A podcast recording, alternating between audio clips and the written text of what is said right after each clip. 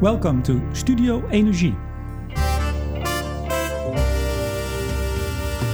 In June, British Petroleum published the latest edition of their yearly statistical review of world energy, widely regarded as the industry Bible of energy statistics.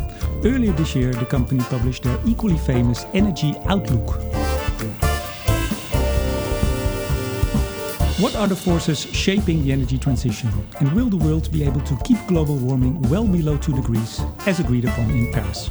Here to answer these and other questions is the Chief Economist of BP, my guest, Mr. Spencer Dale.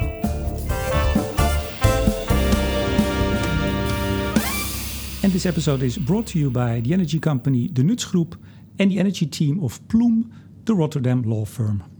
Mr. Dale, a very warm welcome. Thank you. It's a pleasure to be here. Um, as you know, Studio Energy is a Dutch podcast. Uh, every week I talk to the key players in the energy transition and I talk to them in Dutch. Uh, just to check before we start, how good is your Dutch? Mm, uh, not so good. Oh, wow. Oh, you, you speak a bit? No. Just enough. Just okay. In uh, 2008, at the height of the global financial crisis, you were chief economist at the Bank of England, and before joining BP in 2014, you were the executive director for financial stability. Uh, what were you thinking when you went to BP? Financial crisis, that's kid stuff. Give me a real challenge. The energy Yes. transition? Uh, so I um, I became chief economist of the Bank of England in September in July 2008, two months before uh, Lehman Brothers and the financial crisis started, and I came across to BP in October 2014, roughly two months before. Um, OPEC's decision not to cut production and, and um, oil prices fell. So the moral of the story is don't employ me. Wherever I go next uh, is a bad sign. I um, I think it was two reasons why I, I moved across. One was life's short, so why not try and explore other things, just learn about different parts of the world. And the other one was, what's if somebody offers you the opportunity to say, come and learn about something which is important and new to you, why wouldn't you do it? And and so energy, um, the issues are critically important f- for global mankind, as you said in your introduction. They involve lots of economics combined with an understanding of geopolitical issues. And those two bits I sort of anticipated. The third bit, which I had not anticipated, which in hindsight I should have done, is you can't do this also without thinking deeply about technology. So somebody says, come and work in this role, which you sort of know nothing about, which mixes economics, geopolitical issues, and technological issues, considering some of the most important issues facing global mankind. It wasn't that hard a decision. Um, what, in fact, do you do? On a What's day- your job on, a, daily day- basis? Yeah. Okay, my absolutely key number one job is to help, is to use rigorous economics to help BP make better decisions. That's what we do. And we can do that over many different time horizons, over many different things. So, one thing I spend a lot of my time doing is I'm part of a small group in BP that's responsible for helping think about and structure and design the strategic frame of the company. How should a company, an oil and gas stroke energy company like BP gradually evolve and transition as part of the the transition to a lower carbon and envir- energy environment, as you were saying in the introduction. So some very long term wavelength issues, but also there can be a lot of shorter wavelength issues. Um, how to interpret what happened in Vienna uh, last week in terms of OPEC's decision um, to start increasing levels of production. How should we think about um, that? Or if we invest in a new country in Africa, what are the macroeconomic risks associated with that? So it can go from very long term to relatively short term. But the key sort of single feature and common feature here is use economics to help make the company make better decisions. And how big is your department? How many people Um, are involved? Um, I think relatively small. It's about 10 people in total. Um, I had something like 150 economists working for me at the Bank of England when I was chief economist at the Bank of England. So, relative to that, um, it's a lot smaller. But I think, relative to many commercial um, organizations, a team of 10 economists is a relatively large number. Okay. When I asked you what, what you do on a day to day basis, I thought maybe you were going to say give interviews because you, you give quite a lot of them, eh? Yes, um, and to me, that's very much a secondary thing. Uh, my job is not to be a spokesperson for BP. It's not to be a marketing person for BP. It's to use economics to help BP make better decisions. I think having some degree of public profile has two benefits. One is it um, allows BP to have a seat at the table in terms of discussions around the world. And we, by having that seat at the table, we can influence and inform the debate, but also we can learn. The other one, which I think I feel very strongly about, is if you publish, uh, well, maybe retract. The biggest risk I think any organisation faces, be it a private sector organisation, uh, an energy company, uh, recording podcasts, a government, is is a danger of groupthink. You sit around f- and furiously agree with each other, and completely miss the big point.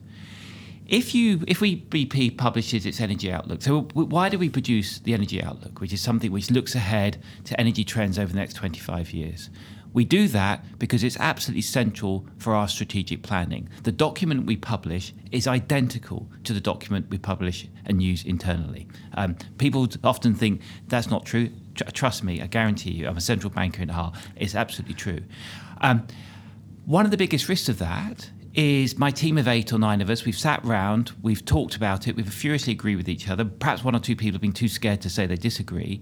And then, as a result of which, you're saying to the company, this is what we think is a sort of plausible scenario, and this is another plausible scenario. It may be that they're just not very sensible. If you spend the next three months going around the world talking to different people about it, standing up in rooms of 200 people and saying, this is what I think, people love telling you why you're wrong. And as a result of which, one of the biggest sort of checks we have about sort of groupthink is we crowdsource our, our criti- criticism. So, but this, this, came out, the Outlook came out in February. Po- yes. You've, you've done a lot of speeches and, and, and tours. When was there one occasion perhaps when you were thinking, that guy or that woman is absolutely right. How, oh, how could we miss this? Yeah, no, lots Can you give time. an example? Yes, lots of time. So um, this year, um, include this year's outlook includes an awful lot more analysis um, uh, on electric cars, the interaction between electric cars and autonomous vehicles than the year before did because I was going around and people kept asking me, "What about this? How you think about this?"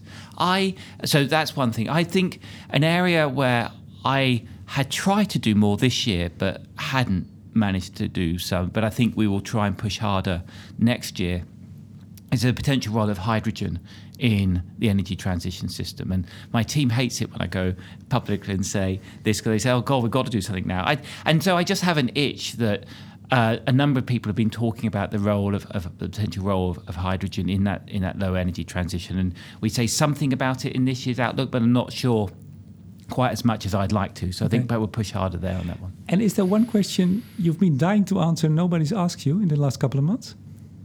No, I no, I think no. You people people are pretty good at um, asking uh, lots of good questions and often often less good questions. um, before we, we, we, move on to the outlook, the statistical review came yes. out two weeks ago, three yes. weeks ago. Um, as I mentioned in the introduction, um, 67th edition. It's quite an achievement. Um, and you look at the, the, the, the world situation in 2017, world energy um, situation. Primary energy 2.2% up from a 10 year average of 1.7. Less energy efficiency. Coal went up 1%. Um, energy related emissions up after three years of, well, almost flat. And uh, you were quoted as saying, at first blush, these numbers potentially look a bit disappointing. Was that typically British understatement, or are you just not that worried? Um, so, as you say, BP's um, statistical outlook we've been producing for 67 years. And if any of your listeners aren't aware of it, as you say, I think it is pretty much the standard reference source for statistics around the world. Don't take my word for it. As you're listening to this podcast, Google 10 energy stories. If they've got a chart or a table, I'd be very surprised if eight out of 10 of those don't have BP Stats Review at the bottom. So um, we can all disagree with what those data mean. We can disagree what the data will do tomorrow, but at least we start from all agreeing what happened yesterday. And that's the role of BP's um, statistical review. Sure. And we are very proud of it. Uh, sure. In some sense, it is, if you like, our public good to help inform the energy debate. Mm-hmm. The my sort of suggestion at a first blush that looks somewhat disappointing is was in the context of um, I think you need to see what happened last year in the context of what in the, the years which had preceded it. So in, in years 2014, 15, and 16 had been exceptional years. We'd seen very, very large gains in energy productivity, very significant uh, energy productivity. So the amount of energy you need to grow mm-hmm. the economy, we're getting better and better at producing more and more output with less and less energy. Secondly, we've seen very significant improvements in the, in the fuel mix, very large falls in coal, in particular in coal consumption around the world, led by the US and um, China. And as a result of which, carbon emissions essentially um, had not risen uh, almost at all in three years. At the time, uh, I said, look, some of this reflects underlying structural factors which will persist. Um, very particularly driven by what's happening in China, big gains in terms of energy efficiency, this switching away out of coal, strong gain in renewable energy. But some of it reflected short term cyclical factors. So not all of this will stay, some of it will come back. Well, sure enough, as those cyclical factors unwind, um, some some of it did come back, and so what we saw last year was some sort of unwinding of some cyclical factors which weren't going to persist. Moreover, some of what we saw last year was exaggerated by another set of te- temporary factors, which is making pushing the numbers up even higher. So, but this, is this a, a temporary? So, so I think my hunch is the underlying trend is somewhere between where we were that sort of three years of nothing and the rise in carbon emissions of over 1.5% um, last year. But just to put that in context, if I take the average of the last four years, carbon emissions have grown by about half a percent a year. If I take the, the average of the previous 10 years before that, it's closer to 2.5% a year. So it depends it depends what sort of person you are. You have a glass of water on your table. Is that half full or half empty? If it's half full, you would say, well, look, half percent relative to two and a half percent, that's significant progress. And what sort of person are you? Are you a half I, full or I'm, half? I'm sort of sometimes a bit more of a half empty person. And I'd say, well, that's still half percent growth we need it falling closer to 2% yeah. a year if we're going to get on a path consistent with meeting those Paris climate goals. So we need to push a lot harder. Okay, but for this year, it's already, we're halfway through. Do you have any idea what we're heading for for this year, emission wise? Um, I don't try and do this in real time. I think um, a lot of what happened, a lot of the sort of change in sort of those both three good years and last year the less good year, a lot of that was dominated by China. So a lot of this will be what is going on uh, in in China and. And my hunch is we're still seeing strong growth in China. Some of those very fuel intensive or energy intensive sectors are growing. So my I, exactly where this will come out, I don't know. It, I, my hunch is somewhere between 13, 14, 15, uh, uh, or 14, 15, 16, and 17. Somewhere between the two would be I be my guess. But because I, th- I think Greenpeace had some numbers, some figures. First quarter, four percent rise in China in uh, greenhouse gas emissions. Yeah, yeah, and let's I. I sort of try not to do this in real time. That's sure. It's one of the funs of uh, the stats review. Each year we can come back and look at it afresh. Okay. One small thing I read on the back of the, the statistical review, it says that you don't use um, um, confidential information gathered as BP doing business. Uh, so you only use publicly uh, published uh, data.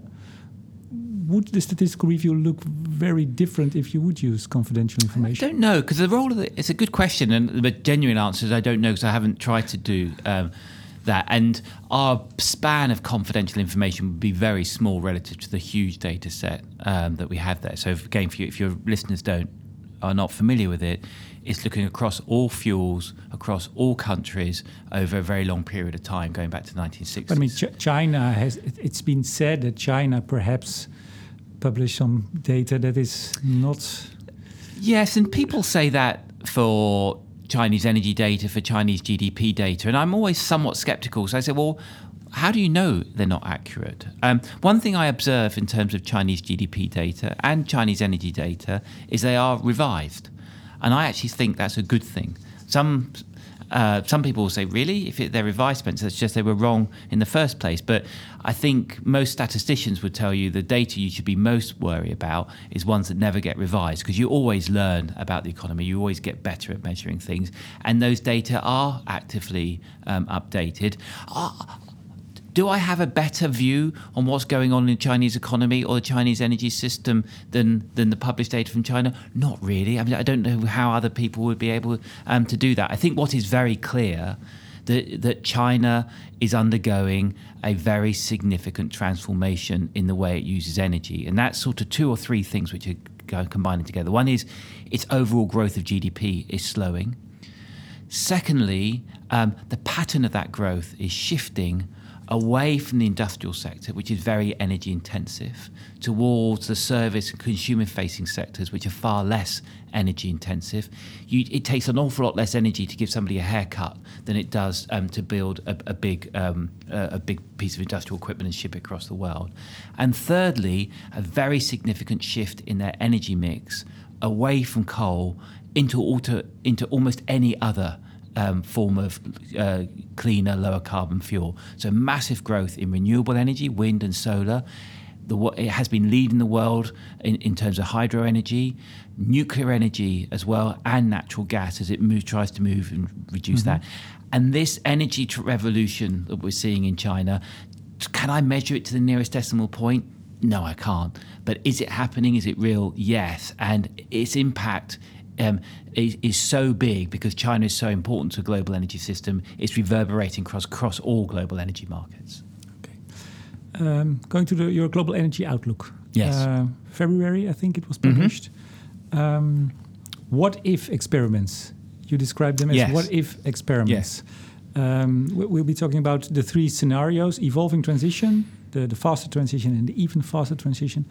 And all of these transitions um, have the basis uh, that we're going to use more energy. If these are what if experiments, do you have one or have you done one where the world is going to use less energy?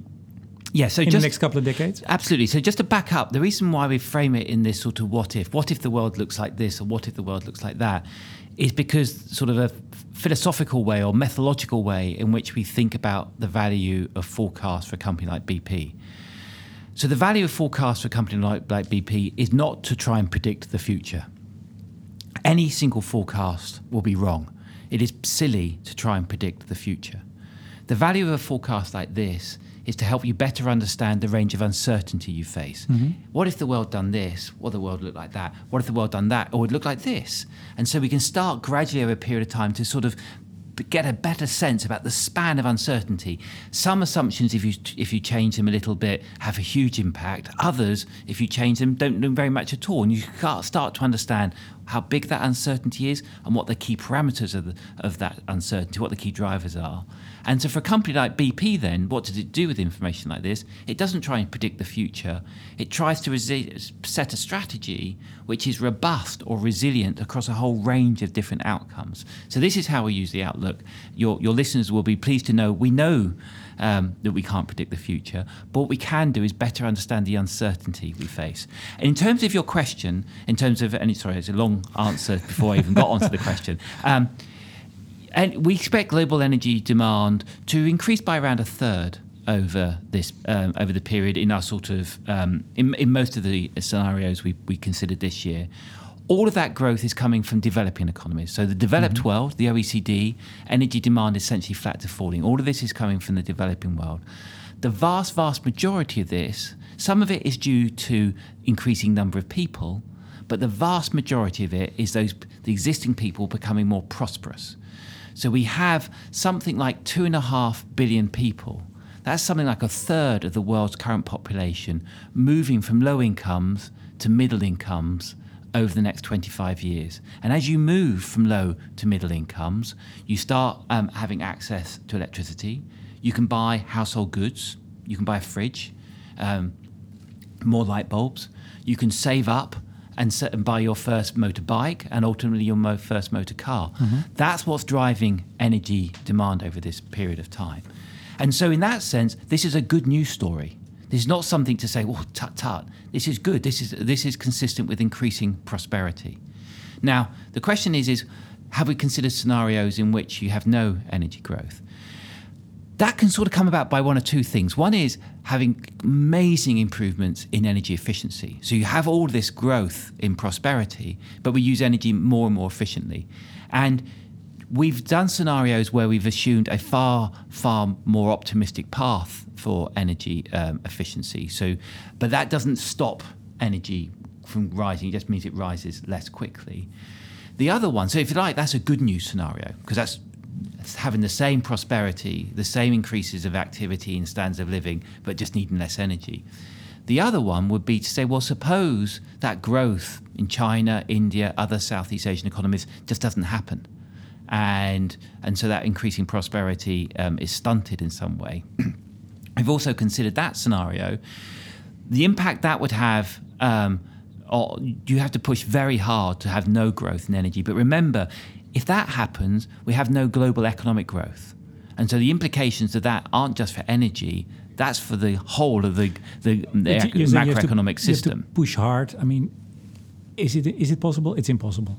To, to have no energy uh, growth. If energy we have, if we have a world economy which is growing at anything close to what it's c- capable of growing, yes, it is almost impossible to have no um, growth in energy. But what I would say, and I think is really important, is if you look at any analysis of how we get to those pa- Paris climate goals that you started the podcast with, using energy more efficiently always, always provides the biggest single contribution to achieving sure. that. And so the important point here, as soon as you accept that point, and you nod as if that was obvious, as soon as you get that point, whose problem is Paris? How do we get to Paris? It's not government's problem. It's not companies like BP's problem. It's all of our problem. If every time we leave the room, we turn our lights off, if every if we consciously use energy more and more efficiently, if it's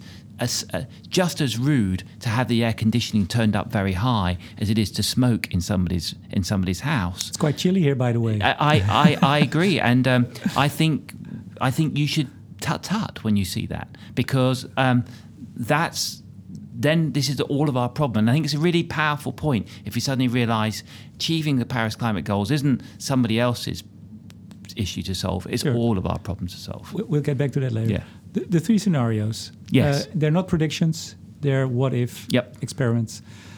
But which one of which of the three scenarios is the most likely to happen? So the nature of statistics is the probability of any single scenario happening is almost zero. So the unhelpful comment to you, but the statistically correct comment answer to your question is they're all equally I knew unlikely. you were going to say this. Um, can you add something? so this, can perhaps? I can I help? Can I be a little bit more helpful? Um.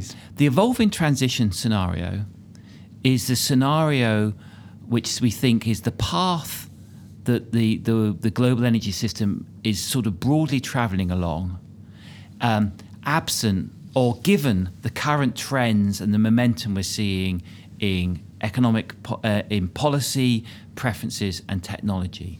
So, if you like, the path we move broadly along, absent um, a, a big shock to technology or preferences or policy. Now, will that path materialize? No, of course it won't materialize. But if you like, is the probability of us being broadly somewhere in that vicinity of that path greater um, the probability there greater mm. than being close to one of the other ones, I would say say yes. So if yeah. you like, the probability mass. I'm sorry to be uh, dull here, but it sort of matters.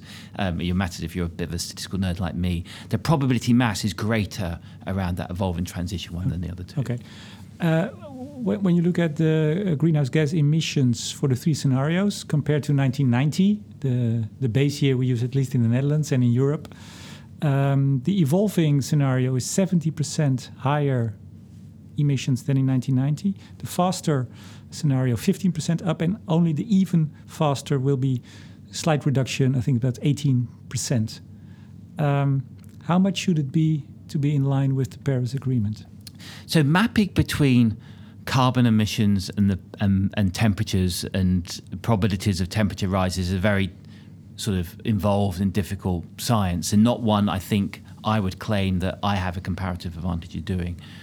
When we work on, when we produce the even faster transition, I, I apologize for, for not having very snappy titles, but the, the even faster transition scenario, the way we calibrate that is we look at the path of carbon emissions in a scenario produced by the International Energy Agency, the IEA. They have a sustainable development scenario, which they use, if you like, as their sort of benchmark scenario consistent with achieving those Paris climate goals.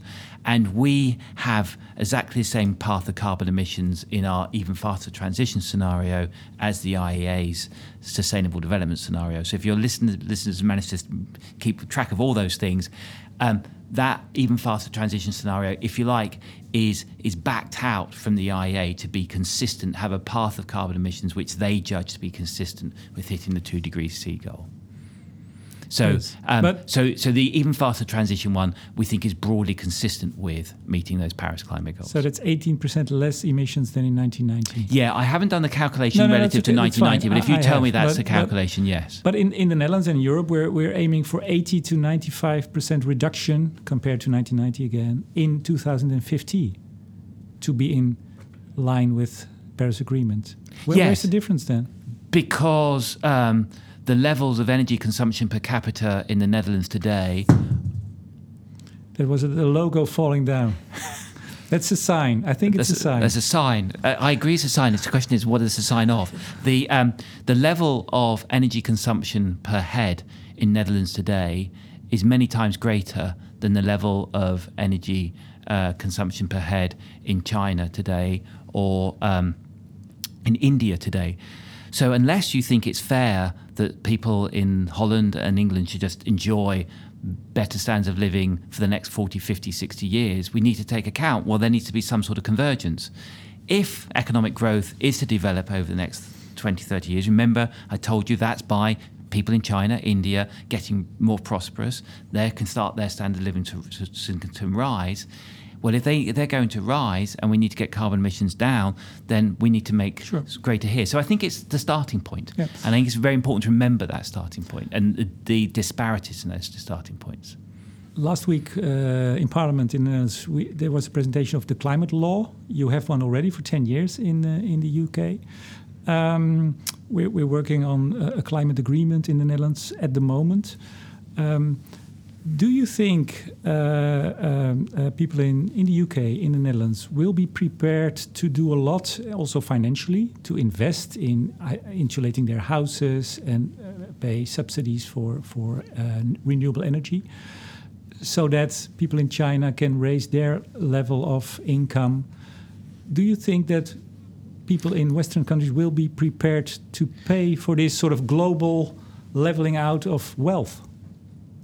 I mean, the truthful answer is I don't know. I'm not a politician. I think it's a very hard thing to judge. I certainly, people in Europe, my senses are concerned about um, carbon emissions, but whether being concerned about one thing and whether one's willing to pay is another very famous sort of feature of British opinion surveys for many years here is you ask somebody to say, Do you believe in the National Health Service? Do you think it should be better funded? And people will say, Yes. And then you say, Do you believe that you should be taxed higher? And they say, Absolutely no. And those two things aren't easily reconcil- reconcilable. An interesting feature at the moment is I'm is people say I care deeply about carbon emissions. I recently asked some um, people in the airline industry and say, what proportion of people tick the box at the bottom of um, of the uh, the screen when they're buying an airline ticket to have the carbon offset? Not a lot. and it's a tiny, tiny, tiny fraction. So, um, so I guess at the moment, I- I think sometimes for these types of things, governments need to lead, uh, and that's why uh, BP, driven by a pure economic argument, an efficiency argument, have been very vocal and will continue to be vocal in supporting the need for a meaningful carbon price. If you don't like carbon, stick a price on it, and then people react um, in a pretty sensible way. There's a shareholder campaign group here in the UK, Share Action, and they say that BP and Shell are planning for a catastrophic five degree global warming despite publicly backing the Paris Climate Agreement. What's your response to that? So, as I said earlier, BP in BP we don't try to predict the future. We try to develop a strategy and a portfolio of assets which is robust across a whole range of outcomes. I think nothing would give us greater pleasure in BP were we to get on a path today consistent with meeting the Paris climate goals. That would be by far and away the best outcome that could happen. We're not on this path at the moment. No, we're not. And we have said that consistently, we're not. Um, but I think we have to recognize there's a risk that that may not happen. And I mean, just to make clear about what we're asking politicians to do. To achieve those Paris climate goals, and it relates a little bit to the, my National Health Service question, we are asking people in one form or another to pay a higher cost of energy today for the benefit not of their children or their children's children, but for the benefit of the children's children in another completely other part of the world. If people are somewhat reluctant to pay a higher cost to support their national health service, you can understand why this is quite a tricky thing for politicians to do. Technology will help, changing preferences will help, but ultimately, this will need some um, leadership by governments and recognizing that governments may not deliver that immediately and maybe um, maybe slowing bring that forward, I think is just nature of the world. And so, yes, we will consider scenarios and hope for scenarios in which we do get on a, on a path consistent with that road to Paris. And in the meantime, we will keep on saying we don't think we are there yet, and that's what we have said very clearly. But we will also consider the out, other possible outcomes because that's what a sensible thing for a company like BP to do. Yeah. I, I spoke to uh, for a podcast to Mr. Van Beurden, uh, the CEO of Shell. Uh, they're being taken to court in the Netherlands and in many other places, I think, like BP as well, for not doing enough, for damaging the climate. For uh, and and Mr. Van Beurden says, well, I mean, he says we're going as fast as society wants us to go, and politicians want us to go. If they want us to go faster, we will. If they, for for some reason, want us to go slower, we will. Um, like I said, people, groups are taking you to court because they know you should lead. You shouldn't follow. You're, you're that powerful as companies. You're the companies driving the energy transition. You should do more. What do you say? There was a period, uh, I think, if you go back eight or nine years, then when BP was colloquially known as Beyond Petroleum, BP, Beyond Petroleum. And during that period of time, it's because uh, I think there, under the stewardship of uh, Lord John Browne, BP really did try to take a very strong leadership role. And we invested um, many, many, many billions of dollars in, in trying to take that leadership. Now, some of those, in hindsight, some of those that that that money was invested in businesses where it turned out we didn't have a com- particular comparative advantage. So we were at one point one of the world's major producers of solar solar panels. It turns out you can mass produce solar panels very cheaply in countries like China, and we, we just um, lost our shirt in that. But some of the projects we invested in made perfect sense, and there was a very clear business plan. And that business plan was that today, carbon prices would be about $40 a tonne. Based on that business plan, this was a very strong, viable business. All those businesses are bust now because carbon prices around the world are nowhere near $40 a tonne you can lead to a certain extent. You can't lead on your own. And, and if you like, there's, the proof is in the pudding here because we've been down that path and we tried to do it on our own and we lost billions of dollars. But those 200 countries and, and statesmen signing the Paris Agreement in 2015, yeah. they could have, they should have said at that moment at the agreement $60 per ton. And the, the problem would be finished. No. Would be solved, I mean. No, why not? I well, I don't think any one single number and so on will solve anything no, but if miraculously. They put a price but on if, carbon at that if they had said at that point, let's all work towards putting a significant, meaningful price on carbon, I think it would have made a major step forward. And and and I and I and I do um, I do believe that. Yes. Just remember, you know, um, you were talking about.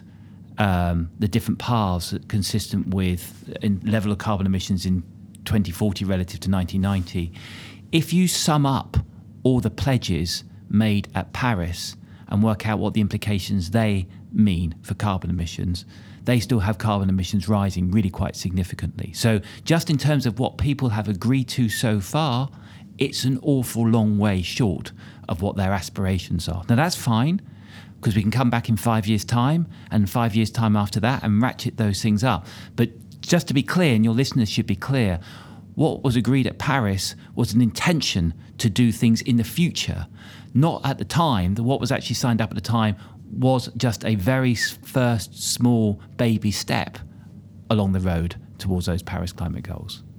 Final question. If you would have to choose between reducing greenhouse gas emissions and ending poverty for 500 million people, you have to choose. What would you choose?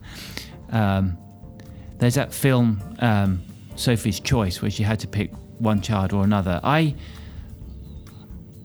This is not the, the answer you want me to give, but I think it's the it's a it's the truthful answer. Is I don't think we do have to make a choice. I, I think we are able to achieve both of these things. But the important thing is we need to solve both of these problems together. The way you framed it, I think, is exactly the, in some sense, the right way to frame it. All of us, energy companies, energy consumers, governments around the world, face a dual challenge. The world needs more energy to allow those hundreds of millions of billions of people to be lifted so they can start to enjoy the sort of benefits that you and I have. And at the same time, we need to reduce carbon emissions. We know how to do this. We can do this. Um, but we all need to play our part in, in solving the dual challenge. Spencer Dale, Chief Economist at British Petroleum, thank you very much for this interview. Thank you. And I say also thanks to our sponsors, the energy company The Nuts Group and the energy team of Ploum, the Rotterdam law firm. And of course, thank you for listening. My name is Remco de Boer. I hope you'll tune in again next week.